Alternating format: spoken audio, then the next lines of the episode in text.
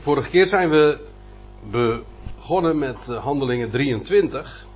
En ik maak me sterk dat we daar vanavond uh, helemaal doorheen gaan. Ja, dat is heel veel. Maar dat komt, dat komt er ook een beetje doordat. Kijk, wanneer je betogen en toespraken bestudeert, dan, uh, ja, dan vergt dat bijna elk woord of elk zinsdeel heel veel aandacht. Nu zullen we ook weer zien dat er gewoon een geschiedenis verhaald wordt. Een reeks van gebeurtenissen waarbij je soms uh, wat toelichting nodig hebt voor bijvoorbeeld als het gaat om tijdsaanduidingen, plaatsaanduidingen. Waar is dat? Uh, hoe zit dat precies? Maar de, het, de verhaallijn is uh, op zich heel eenvoudig. Dat zullen we ook vanavond zien. Paulus, die zoals u weet in Jeruzalem is. Nou laten we even nog even terugblikken. Na zijn, re na zijn reden, zijn, dat is Paulus' reden, de, Paulus dus, na zijn reden, nabij het uh, tempelplein, u weet het, hij was, uh, hij was daar gesignaleerd in de tempel, er was een, een oproer georganiseerd, in, in no time was de hele stad in, in, in rep en roer. En Paulus werd toen meteen ook gevangen genomen en kreeg toen de gelegenheid van de Romeinse autoriteiten om uh, het volk toe te spreken. En vanaf de, de hoogste treden van de trap, hè, je moet zich voorstellen, je had het tempelplein en daarboven had je de burcht van Antonia. En daarboven aan die trappen heeft Paulus zijn volksgenoten daar een hele grote mensenmenigte toegesproken. Nou, dat, uh, totdat hij, en dat, hij werd uh, enigszins welwillend, mag je aannemen, nog tandenknarsend, maar in ieder geval aangehoord.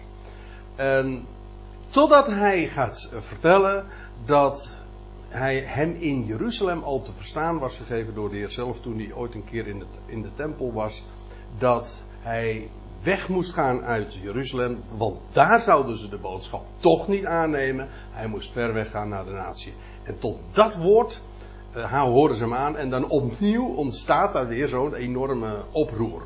En dan moet er opnieuw worden ingegrepen. En Paulus wordt feitelijk gewoon in veiligheid gesteld. En in de kazerne gebracht. En dan is het de hoofdman, en die komen we later tegen. Dat zullen we dat vanavond denk ik ook nog wel zien in Handelingen 23. Hij heeft de naam Claudius Lysias. Dat weten we eigenlijk hier nog niet, want zijn naam wordt pas later uh, onthuld. Maar in ieder geval, de hoofdman die is van plan hem onder geesteling te verhoren vervolgens. Uh, maar verneemt tot zijn grote schrik dat Paulus een Romeins burger is. Dat wil zeggen, een, met de burgerrechten van de stad Rome. En dat was een. Uh, en dat was een recht dat, jou ook, dat hem ook heel veel voorrechten, politieke voorrechten gaf. Zodat dit, het geestelen was absoluut not done. En sterker nog, als, uh, als Paulus dat aanhangig had gemaakt, dan had die, die hoofdman echt in de grote problemen gekomen. Dat was, uh, dat kon niet, dus hij, hij schrikt enorm. Dat, het, dat Paulus dus een Romein is. En nog wel van geboorte ook. Hij zelf had het burgerrecht verkregen tegen een grote som geld, lezen we. Maar goed.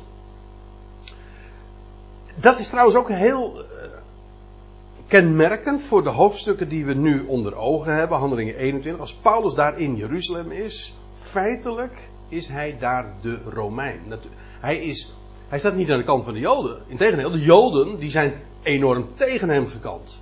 En als hij is ook, naar waarheid, een Romein. En ja, zo wordt hij ook in bescherming genomen tegen de Joden. Dus het is Paulus, de Romein, de apostel van de natieën, ook in die zin dat hij een Romeinse apostel is, die de boodschap richt tot Jeruzalem. Nou ja, gericht heeft, want dit, deze reden die hij daar gehouden heeft, dat was de laatste toespraak die hij gehouden heeft in, in Jeruzalem. Het was eigenlijk ook zijn publieke afscheid. Maar dat speelt een grote rol, dat hij een Romein is. Het is dan de volgende dag dat die hoofdman, de hoofdman over duizend, Dus hij was de, de, eigenlijk de grote militaire leider daar in Jeruzalem. De volgende dag laat de hoofdman, de overpriesters, de hoge priesters dus, uh, en heel het Sanhedrin bijeenkomen. Die autoriteit had hij. Dus je moet je voorstellen, de, het Sanhedrin, dat was de hoogste Joodse bevoegdheid, had ook heel veel rechten gekregen, maar altijd onderworpen aan de Romeinse bezetter. En dus die, die hoofdman, die kon uh, dat Sanhedrin gelasten dat zij bij elkaar zouden komen, want ja, hij wilde weten wie hij, uh, met wie hij van doen had. En wat nou precies de aanklacht was uh, tegen Paulus. Want dat wist hij niet. Hij begreep natuurlijk inmiddels wel dat uh, Paulus daar totaal niet geaccepteerd werd en en dat daar de, de, menigte enorm tegen hem tekeer ging. Maar wat de achtergrond daarvan was. En wat de aanklacht tegen hem was. En wat hij daar als Romein, als Romeinse autoriteit daaraan kon doen. Ja, dat, dat was hem allemaal nog niet duidelijk. Dus dat Sanhedrin moest maar eens bij elkaar komen. En hij, uh, er zal ongetwijfeld een vertaler bij geweest zijn. Want hij zal niet de Hebreeuwse machtig geweest zijn. Maar in ieder geval, uh, hij laat het Sanhedrin bij elkaar komen, de hoge priesters. Nou, en dan moest maar eens duidelijk worden uh, wat de zaak nu eigenlijk behelst. Uh, in hoeverre dat voor hem dan interessant is. Nou, en dan, dat is Handelingen 23, de eerste tien versen daarvan. Dat hebben we dus de vorige keer voor het laatst dan gezien. Dat Paulus dan daar in het Sanhedrin is, dat is inmiddels de volgende morgen. En dan verdedigt hij zich. En dan stelt hij zich op, en dat is heel opmerkelijk wat hij dan doet. En, uh, of, je mag aannemen dat het ook tactiek is geweest. Paulus zegt, wetende dat de, dat Sanhedrin eigenlijk uit twee grote partijen bestond, eigenlijk in de praktijk nog meer. Maar goed, twee grote partijen, namelijk de Fariseeën en de Sadduceeën. En Paulus zegt dan van, nou ja, ik ben een Fariseer. Nou, toen had hij dus meteen onder het motto verdeel en heers. Hè, want de beste manier altijd nog is, als je je tegenstander wilt eh, elimineren, is om uh, verdeeldheid bij de tegenstanders, bij je vijandelijke, uh, bij, de, bij de vijanden te creëren. Als die verdeeld zijn, dan strijden ze tegen elkaar en dan ben jij tenminste in veiligheid. En dat was misschien Paulus' gedachte ook. Uh, of denk ik nu te diplomatiek of te politiek? Paulus zegt ook naar waarheid, ik ben een fariseer en een zoon zelfs van de fariseeën. En hij zegt dan ook, uh, ik, uh, ik sta terecht om de hoop, de hoop van Israël namelijk. En wat is dat dan? Nou, de opstanding der doden. En dat was precies wat een fariseer ook geloofde en wat een fariseer onderscheidde van de Sadduceeën. We hebben de vorige keer wat uitgebreider stilgestaan wat die partijen nou eigenlijk precies inhielden en wat de Sadduceeën beweerden en wat de Fariseeën beweert. Het wordt hier trouwens ook uh, kortweg ook even aangegeven. Maar het meest karakteristieke verschil is wel dat de Fariseeën geloofden in de opstanding. En de, de eh, pardon, de Sadduceeën die hadden zich, die lazen de, het oude, die hadden ook het Oude Testament, maar die kende, erkenden niet de traditie. Nee, ik moet zeggen, de Sadduceeën hadden alleen de wet van Mozes, de, de Tenach. En in de letterlijke zin des woords zagen ze daar niet geen, geen opstanding verkondigd. Als je, het werkelijk, als je het werkelijk leest, dan zie je het eigenlijk op elke bladzijde. Maar goed, uh, als je het alleen maar letterlijk leest, in die zin dus ook oppervlakkig. Uh, zij, ontwaarden daar geen opstanding in en dus geloofden ze daarin niet. Nou, hoe dat verder ook zij, Paulus stelt zich daarop als fariseer en nou, dan krijg je meteen uh, als ik het even oneerbiedig mag zeggen, het gedonder in de glazen. Opnieuw. Want ja, dat is eigenlijk een voorspelbaar. Paulus doet zijn mond open en hij, ja, hij, wat hij in feite doet, is alleen maar vaststellen, ik ben een fariseer en ik sta daarom terecht. En, nou ja. En laat ik dan uh, de draad oppakken in vers 10 we hebben dit al gezien, maar goed, om eventjes uh, nog het allerlaatste restje van de vorige keer nog even bij te pakken. Toen er nu veel oproer ontstond, werd de hoofdman over duizend uh, bevreesd dat Paulus onder hen in stukken getrokken zou worden. Dus je kunt wel nagaan, Dat is geen een deftige vergadering geweest waarbij, elkaar, waarbij men elkaar alleen maar verbaal, zeg maar. hoe zeg je dat? tegemoet kwam, hè, aanviel. Nee, dat, dus dat, ja, het is echt, het is, oost, het is een Oosterse tafereel. Ik bedoel, dat gaat dan allemaal ook heel fysiek, letterlijk. In ieder geval, die uh, hoofdman, die, die, die, uiteindelijk is het dus, dat blijkt dus ook nog eens, uh, ondanks het feit dat Paulus zich als een fariseer opstelt, is Paulus toch de type, want die hoofdman die is bezorgd over Paulus. En daarom zet ik toch een, een, een vraagtekentje bij dat punt van, is dat alleen maar diplomatiek geweest? Dat geloof ik, je kunt het zo eh, beredeneren. Maar het feit dat Paulus alsnog, dat is het eind van het liedje, uh, zo onder vuur komt te staan en in stukken getrokken uh, zou worden, uh, tenminste daarvoor was hij bevreesd. Toen beval hij het leger te doen afdalen, want u weet het, de kazernes lag daar boven en de, de tempelplein en, en het Sanhedrin, waar het Sanhedrin ook vergaderde, dat lag daar beneden. Hij beval dus het leger af te doen afdalen en hem uit hun midden weg te rukken. En te leiden tot in de legerplaats, de, de kazerne dus. En, dat was echt het laatste vers wat we hebben gezien. In de aansluitende nacht echter stond de Heer bij hem, bij Paulus. Dat, uh, in het boek Handelingen lezen we dat een paar keer. Wij weten natuurlijk. Nou ja, sowieso, de Heer is aan hem verschenen. Dat, uh, is, uh, dat is geen verrassing natuurlijk inmiddels meer.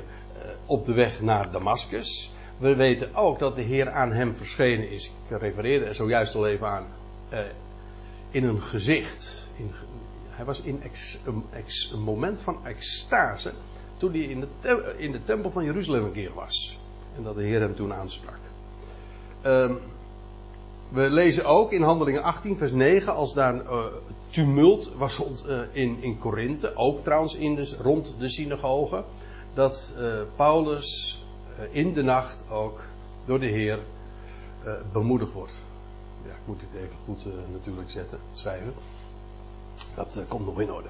Als bemoediging in Korinthe. De Heer stond aan zijn zijde. En uh, we lezen trouwens ook, maar dan gaat het over een boodschapper van de Heer.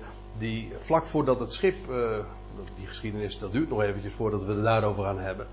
Maar dat uh, Paulus dan met het schip naar Rome gaat. En dat schip dat, dat vergaat. Maar vlak voor die schipbreuk staat een engel in de nacht, Paulus terzijde. En die meldt hem trouwens ook. Die voorzegt al dat niemand van het volk verloren zou gaan. Allen zullen behouden aankomen. En dat moest Paulus gaan vertellen. Ja.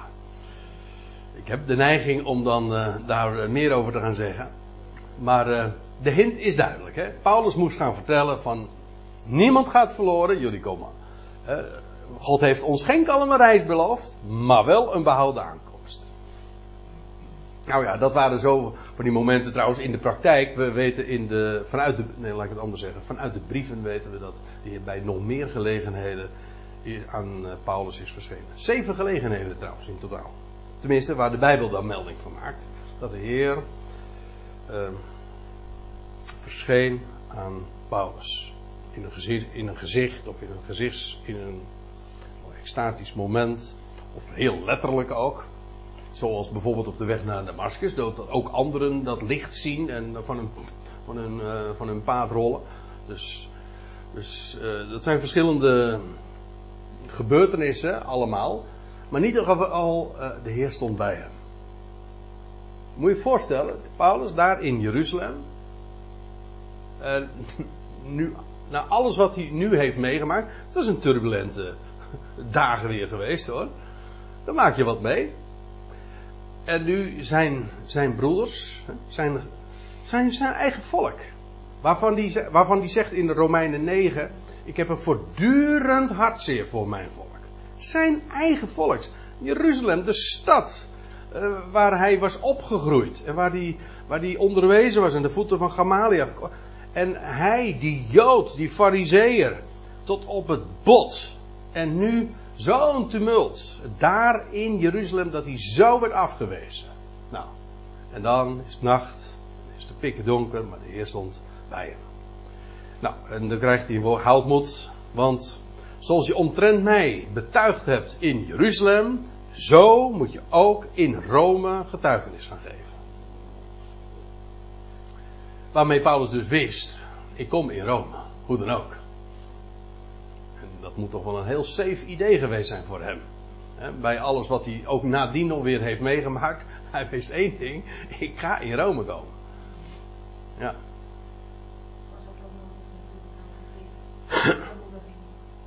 hij had ook wel eens een keer bemoediging nodig. Ja, natuurlijk. Ja, nou ja, hij deed niet anders dan het doorgeven.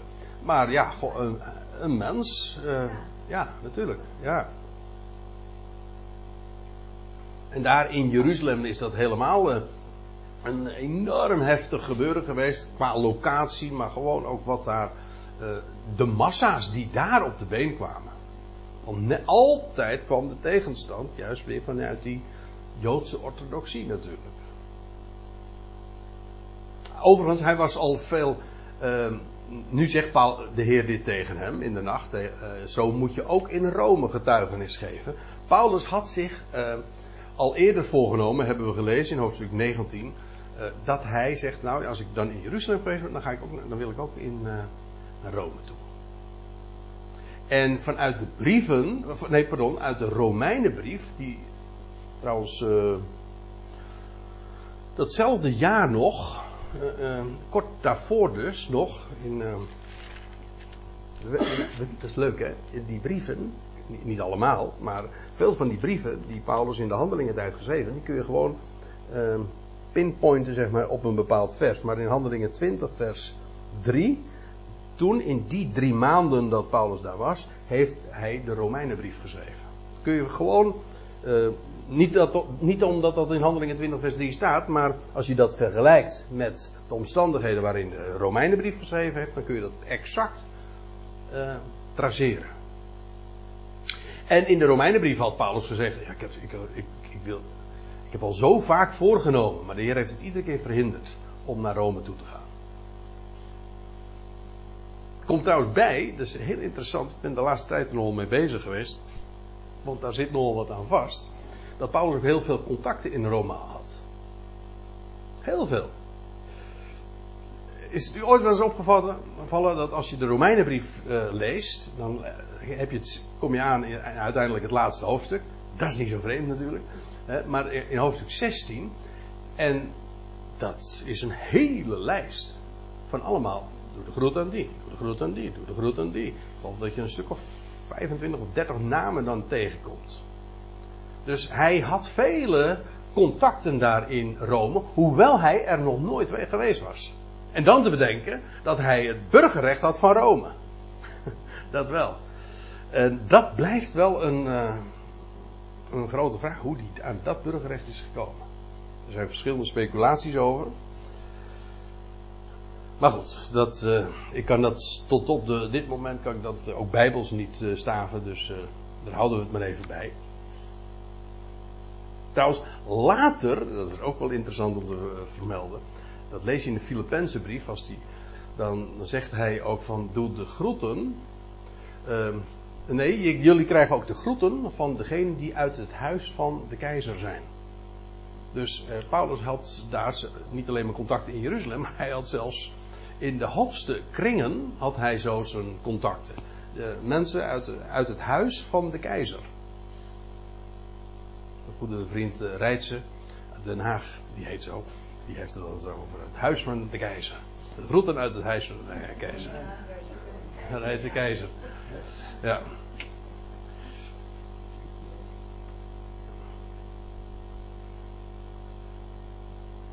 Ja. Nou, misschien dat we bij een andere gelegenheid, als, als Paulus dan in Rome gearriveerd is, en ik ook uh, inmiddels voor mezelf een aantal vragen heb uh, bestudeerd nog eens wat nader bestudeerd. Ik ben er nog mee bezig namelijk. Dan wil ik er graag nog eens wat meer over vertellen. Over wat Paulus daar in Rome allemaal uh, tegen is gekomen. En wat voor connecties hij daar had. Want daar zit heel veel interessants aan vast. Daar ben ik, eh, daar ben ik inmiddels wel achter. Maar goed. Uh, was verzekerd dat hij ook zo in Rome getuigenis moest geven. Toen het echter dag werd, dus na die nacht dat de Heer aan hem dat verzekerd had, toen het echter dag werd, maakten de Joden een complot. Een samenzwering, een, ja, een uh, samenscholing. ja, namelijk om hem te doden. Dat waren ze de vorige dag ook al van plan geweest. Want toen hij daar op het tempelplein was, dan lees je nog in eh, hoofdstuk 21 vers 31 dat ze hem trachten te doden. Goed, daar werd door de Romeinen een stokje voor gestoken. Maar in ieder geval, uh, ja, inmiddels was uh, Paulus wel bekend met dat fenomeen. En, nou, en, maar nu gaat het heel heftig hoor. Want moeten we eens op, op uh, moet u maar eens opletten. Toen het echte dag werd, maakten de Joden een complot. En spraken de banvloek, het anathema, uit over zichzelf, zeggende nog te eten, nog te drinken, totdat zij Paulus zullen doden. Nou, dus onder een vloek, onder, eh, eigenlijk een vloek is ook een eedswering.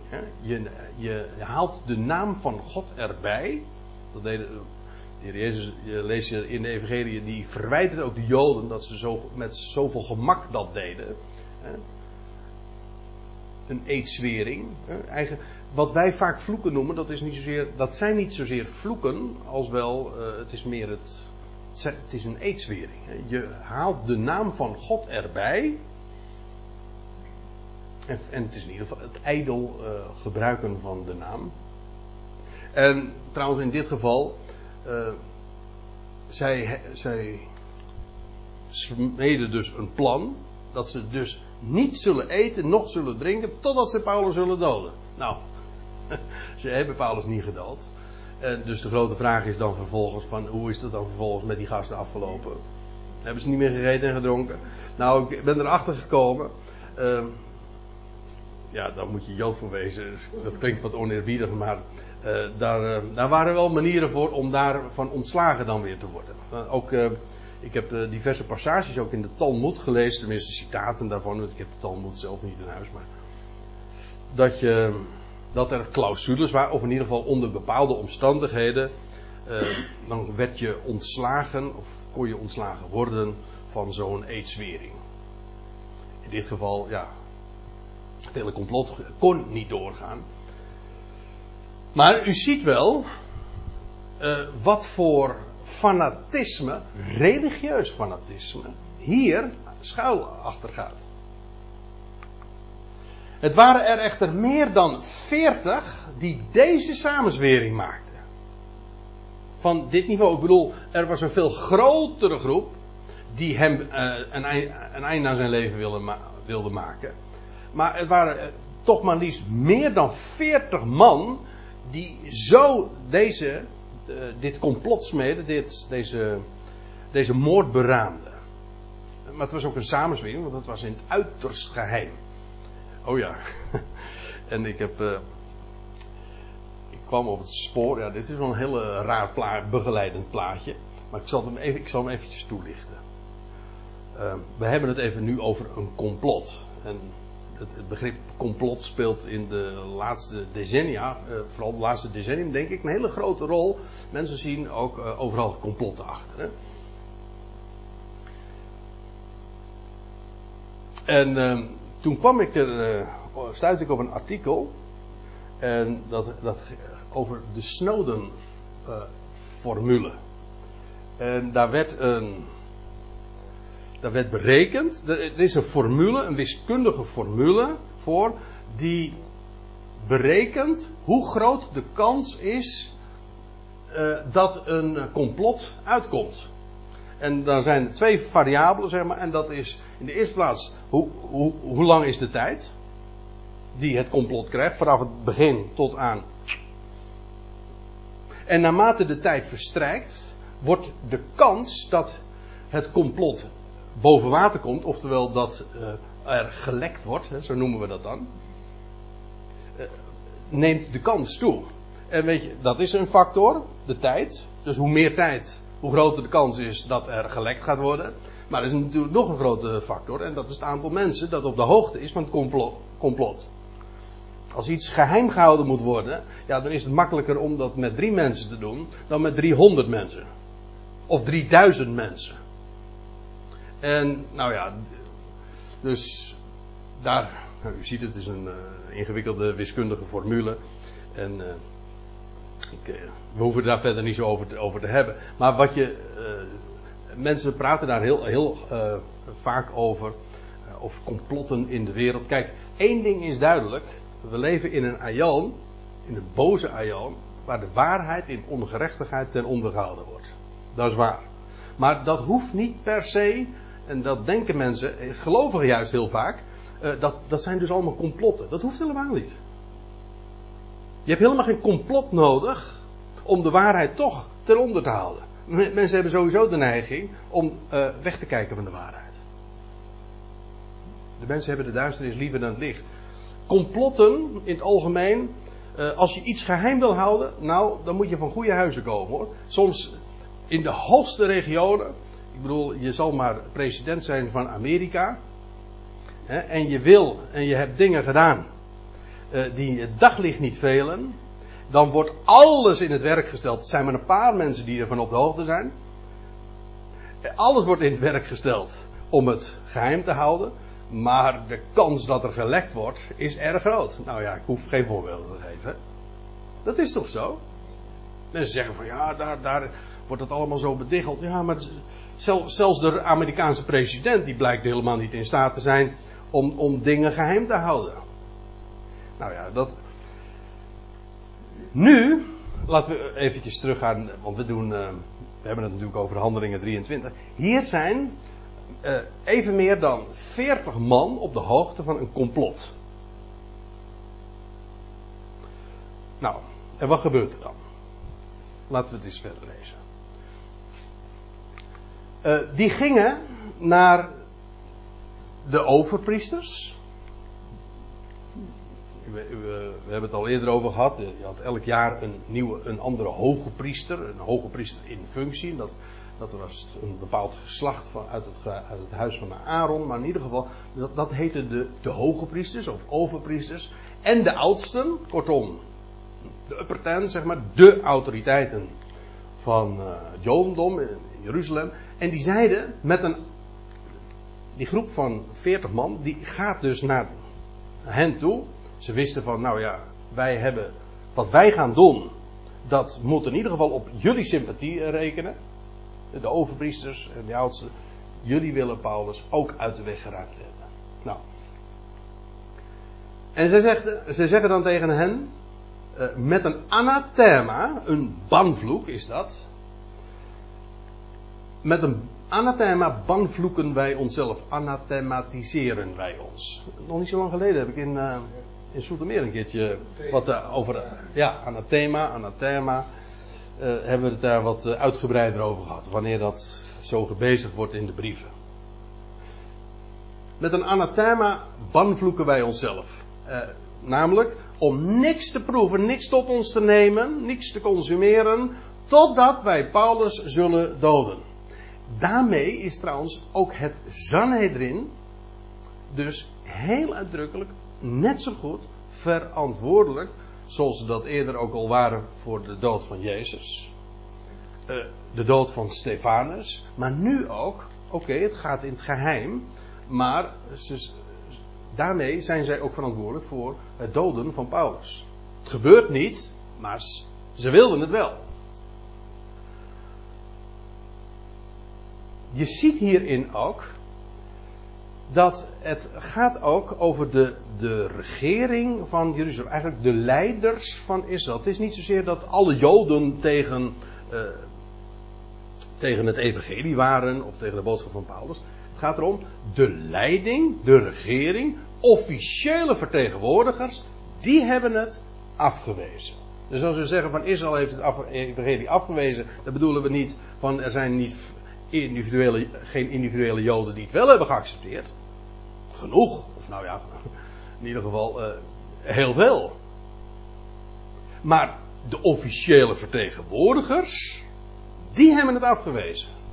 Zij die het volk representeren. Daarmee officieel heeft Israël het afgewezen. Dat is, ik denk dat het belangrijk is om dat even goed te onderscheiden. Als je zegt van Israël heeft het evangelie afgewezen, dan bedoel je niet mee, uh, niet eens, je bedoelt er zelfs niet eens mee de meerderheid van de Joden. Je bedoelt ermee de vertegenwoordigers, de leiding. Die hebben dat zo uh, uitgesproken en gedaan. Dat is een belangrijk onderscheid.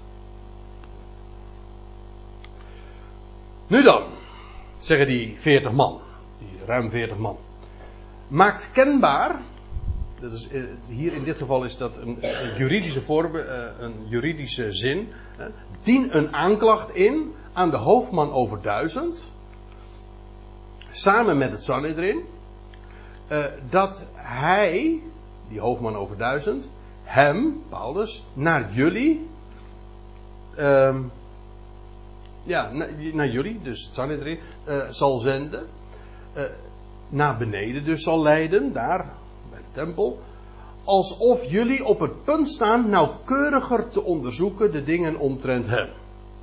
Dat wil zeggen, oh, zij eigenlijk, wat zij zeggen is van, weet je wat? Zeg nou gewoon, die Paulus, die hele kwestie Paulus, die gaan we nu afronden. Laat die hoofdman over duizend, de, autoriteit van de Romeinen, laat die er nou voor zorgen dat Paulus eh, nog een keertje verschijnt in het Sanhedrin. En dan kunnen, we veroordelen.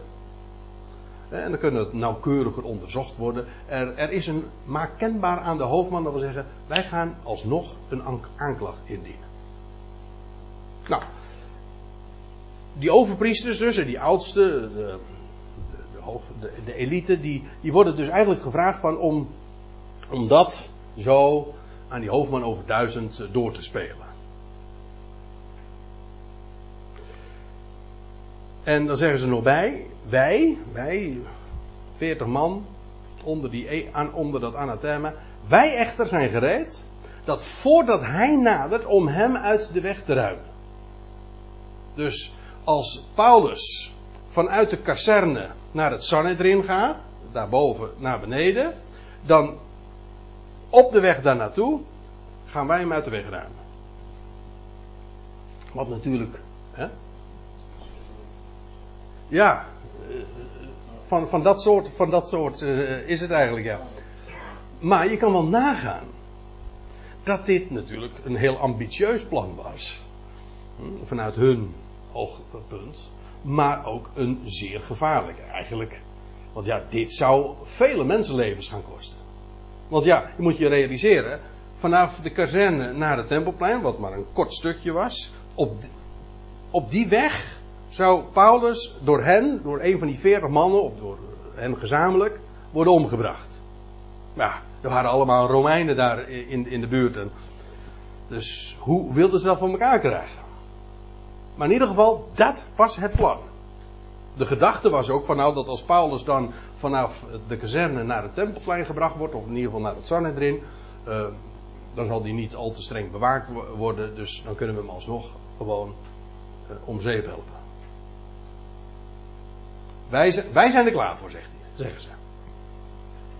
Dat voordat hij nadert, dat wil zeggen voordat hij daar in Sanhedrin is, dan is hij, hebben wij ervoor gezorgd dat hij uit de weg is geruimd. Maar, en nou gebeurt er iets.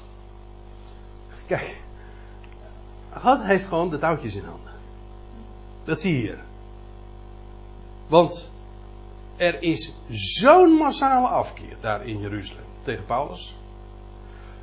Velen, ik zou haar zeggen tienduizenden, wilden hem graag uit de weg geruimd hebben. Dat nu 40 man stelt zich, of meer dan 40 man, stelt zich onder een anathema. Dat ze zelfs niks zullen eten en drinken voordat die Paulus uit de weg is geruimd.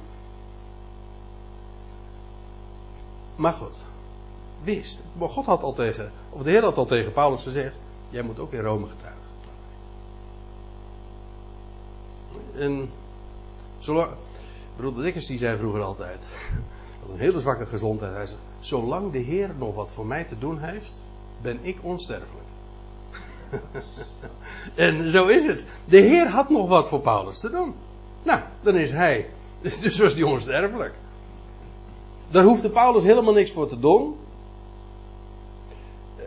Het, het, loopt zo. Het loopt zoals het loopt. Nou, wat gebeurt er? Maar, staat er, de zoon van de zuster van Paulus. Haha, dan komen we toch nog eens een keertje iets aan de weet over, over Paulus' familie. Want daar weten we verrekte weinig van. Echt waar. Nou, eh, inderdaad, heel weinig, ja. We weten wat van zijn achtergrond. Hij kwam uit Cilicië. We weten ook dat hij dus als een geboren Romein was. Nou ja, daar zitten dus nog wat vragen aan. Was dat omdat hij een inwoner van Tarsus was? En, maar goed. Uh, hij was opgegroeid in Jeruzalem. We weten wel wat van zijn achtergronden, maar als het gaat om zijn familie, niet veel hoor. Ik, laat het op, een rij zitten. We weten, dat had hij juist de vorige dag had hij dat dan nog in, in het Sanhedrin gezegd. Hij zei, ik ben een fariseer en een zoon van een fariseer. Aha, dus Paulus, Paulus' vader was dus ook een fariseer. Hij trad dus in de voetsporen van zijn vader. Uh, dat, we weten ook, het wordt wat wegvertaald, want in, in Romeinen 16 wordt het dan vertaald met stam, stamgenoten. Maar staat, er staat geen stamgenoten. Ja, ook geen stamgasten. dat is weer wat anders. Uh, naar, nee, er staan verwanten. Verwanten, dat is gewoon mijn familieleden. En die, hij noemt ze trouwens ook bij name Andronicus en Junius. Hij zegt mijn verwanten. Die woonden trouwens ook in Rome. En, eh, dat is ook nog interessant, kom ik weer even op Romeinen 16, opnieuw. Want, wat ik nu zeg is omstreden hoor, maar in Handelingen 16 vers 13, daar lees je over, uh, doe de groeten, of je krijgt, nee, doe de groeten aan Rufus. Dat trouwens weer een zoon was van Simon van Cyrene. Maar goed. Uh, en hij, ja, hij, zegt, doe de groeten aan Rufus. En hij zegt, uh, en zijn moeder en de mijne. Nou, wordt dat uh, in onze vertalingen weergegeven van die als die voor hem zijn moeder en die voor mij ook als een moeder is. Weet je wel? En dan wordt het als beeldspraak opgevat. Ze is voor mij als een moeder. Maar zo staat, er staat letterlijk gewoon zijn moeder en de mijne. En als ik het letterlijk neem, betekent dat dat dus gewoon uh, dat hij een broer, of een halfbroer van die Rufus was. In dat geval woonde dus Paulus' moeder ook in Rome. Maar goed, u weet het, hè? ik zeg het nou eh, gewoon voor de tweede of derde keer, daar hebben we het nog wel eens een keertje over bij een andere gelegenheid.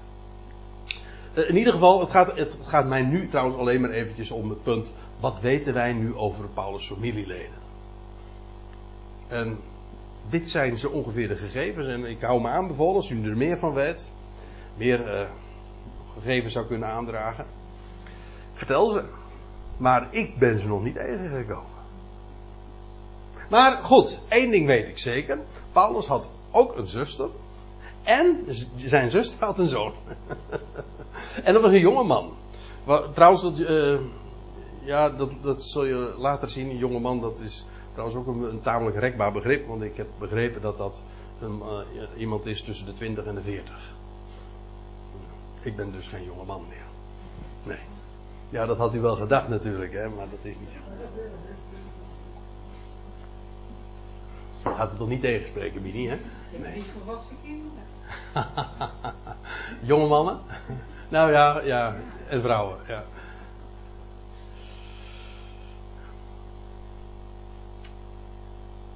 Goed. Uh, de zoon van de zuster van Paulus, die hoorde van de hinderlaag. Hoe? Weet ik niet. Er wordt verder niks over vermeld. Het enige wat wel duidelijk is, is dat Paulus' familie, eh, naar het vrees, uh, ja, die was verweven met die wereld van die Hebreeën natuurlijk. Paulus was daar in, op, in Jeruzalem opgegroeid en, en hij had het verder gebracht in het Jodendom, zegt hij, dan vele van zijn tijdgenoten. Hij was een bekende van de hoge priester, kortom, ja, hij hoorde echt wel bij de inner circle, zeg maar, van, van de, de, de, de Joodse elite, hoe moet ik het zeggen? Daar in Jeruzalem, hij was een, een bekende naam om ja, en nu al vele jaren een beruchte naam. Maar goed, um, ook Paulus' familie en in hoeverre uh, die, die, die zuster van Paulus en haar zoon eh, ook werkelijk in de lijn stonden van Paulus, dat weten we allemaal niet. Je kunt hier natuurlijk eindeloos over speculeren. Het enige wat we weten is dat die zoon van zijn oomzegger dus, het wel voor hem opneemt. Dat is een ding wat zeker is. Want, eh, dat blijkt dan, de zoon van de zuster van Paulus, die hoorde van de hinderlaag. En terwijl hij binnenkwam in de legerplaats, in de kazerne, waar Paulus dus gevangen zit, zat. ehm, nou ja, ik zeg gevangen, maar ik zou ook kunnen zeggen waar hij beschermd wordt. Want ja, het was maar heel goed dat hij daar zat. Want anders was hij natuurlijk al lang gelyncht. Hij, hij was alleen maar veilig daar bij de Romeinen. Afijn, eh, hij hoorde van de hinderlaag, die, die, dat, die jonge man. En hij kwam daar de, de kazerne in de legerplaats. En hij berichtte het aan Paulus. En Paulus was daar natuurlijk. Ja, hij, was, hij moest daar gevangen. eh, hij was gevangen. Was een, liep een aanklacht. En er moest nog het een en ander geregeld worden. Maar zijn regime was kennelijk eh, he- heel soepel. Hij, kon, hij liep daar vrij in en mensen konden er ook bij hem komen. In ieder geval, hij berichtte het aan Paulus. Heb ik hier nou Saul? Hoe kom ik daar nou aan zeg? Ja, Saulus, ja, dat zou ook kunnen. Zo, maar eh, nee, dit is een. eh, moet ik ook eventjes corrigeren. Maar het is, staat natuurlijk gewoon Paulus. Hè.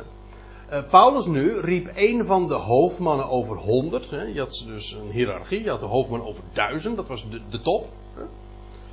Daar hebben we nou een paar keer mee. Die, die Claudius Lysias. En, maar je had ook hoofdmannen over honderd. Nou, een van die hoofdmannen over honderd roept hij dan tot zich. En hij zei met nadruk. Leidt deze jonge man, mijn, mijn neef dus. Naar de hoofdman over duizend. Ik wil nu eventjes dit op het hoogste niveau eh, melden. Want eh, die hoofdman over duizend, een uh, giliargon, gili, dat is duizend, gilias bijvoorbeeld, dat is iemand die gelooft in de duizend jaren. Giliargon, dat is een hoofdman over duizend, dat Claudius Lysias. Ehm, die, die moet dit weten. En, want hij, die, mijn neef, die heeft iets te berichten. Die heeft, ja, die heeft een slecht. Paulus zegt: Ik heb ook iets te berichten. Een goed bericht, maar hij heeft ook een bericht. Wat die, wat die hoofdman over duizend moet weten. Hij dan, een van die, die, van die hoofdmannen over honderd, nam hem dan inderdaad mee en leidde hem naar de hoofdman over duizend. En die hoofdman over honderd, die zei met nadruk: De gevangene Paulus, die riep mij tot zich en vraagt mij deze jongeling naar jou toe te leiden. Daar hij jou iets te zeggen heeft. Kunt trouwens ook nagaan hoe er geluisterd werd naar Paulus. Hè? Dus, want goed, Paulus' neef komt bij hem, hij zit daar in die kazerne. En die zegt van, er is een com- complot en ze tracht, die om te, te brengen. Paulus hoort dat. En meteen hij roept een van die hoofdmannen over honderd. En zegt van, dit moet... Hij zegt nog niet eens wat er aan de hand is. Hij zegt alleen, dit moet de hoofdman over duizend weten. En hij stuurt dus feitelijk een van die hoofdmannen over honderd naar die, de top, toe. Dus zoveel waarde werd gehecht aan, aan zijn instructies en aan dat wat hij te, te melden had. De hoofdman over duizend echter, die nam hem, die jongeman, bij de hand. Sommigen hebben eruit afgeleid dat het dus nog een ventje, een klein ventje geweest moet zijn, maar dat hoeft helemaal niet. Het kan gewoon geweest zijn van, ja, je neemt iemand mee. Eh, en trok hem, eh, en hij trok zich privé terug. Dat wil zeggen, eh, hij geeft hier echt aandacht aan. Hij neemt dit zeer serieus. En die hoofdman over duizend, die informeerde om vast te stellen, wat is het dat jij mij te berichten hebt? Dus hij wist nog niks, maar goed. hij, het was hem wel duidelijk, dit, dit gaat ergens over. Wat is het dat je mij te berichten hebt? Hij nu, hij nu, eh, die, eh, de- die jongeling, die neef, die zei, de Joden die kwamen overeen om van u te vragen dat u morgen, hé, hey, dat wisten we trouwens nog niet, dat, dat het morgen zou zijn, dat u morgen Paulus naar beneden leidt, naar het Sanhedrin. Alsof uh, op het punt staande iets nauwkeuriger te informeren om vast te stellen omtrent hem. Dat wil zeggen, hij zegt nu, dit moet je weten, de, de Joden, die, uh, die 40 man dan, die zijn overeengekomen om u te gaan vragen. U wordt hier dus in betrokken. Dit is dus ook tevens een advies meteen. Hè? Dat zullen we straks ook zien. Maar morgen, eh, dat is hun wens aan u. Dat moeten ze nog ze vertellen. Maar om Paulus naar het Sanhedrin te brengen. Zogenaamd allemaal onder het voorwendsel om nauwkeuriger te informeren en om een aanklacht te formuleren. Nou, en nou krijg je het advies. U dan, zegt die jongeman, laat u niet door hen overreed worden, want meer dan veertig mannen uit hen leggen een hinderlaag voor hem. Luister dus niet. Waarom, zegt hij dan? Zij hebben een banvloek over zichzelf uitgesproken. Nog te eten, nog te drinken, totdat ze hem uit de weg geruimd zullen hebben. Waarmee dus wel duidelijk is, zo vastbesloten zijn ze.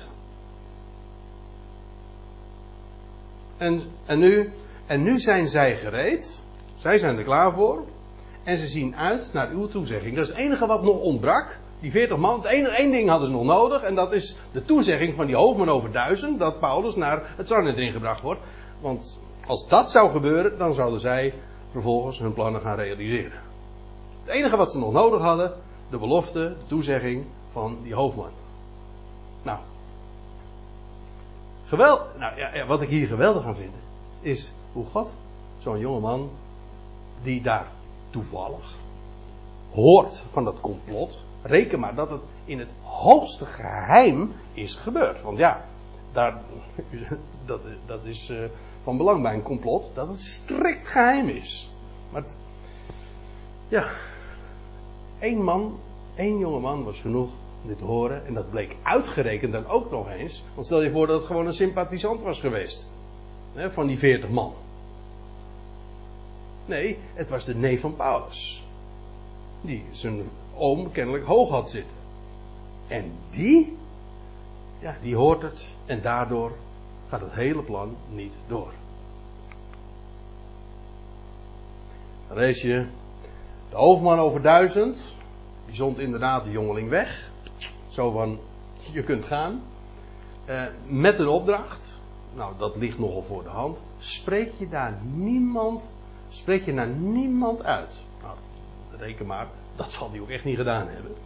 Uh, dat je naar mij uh, toe deze dingen kenbaar hebt gemaakt. Wat jij nu aan mij verteld hebt, zeg dat tegen helemaal niemand.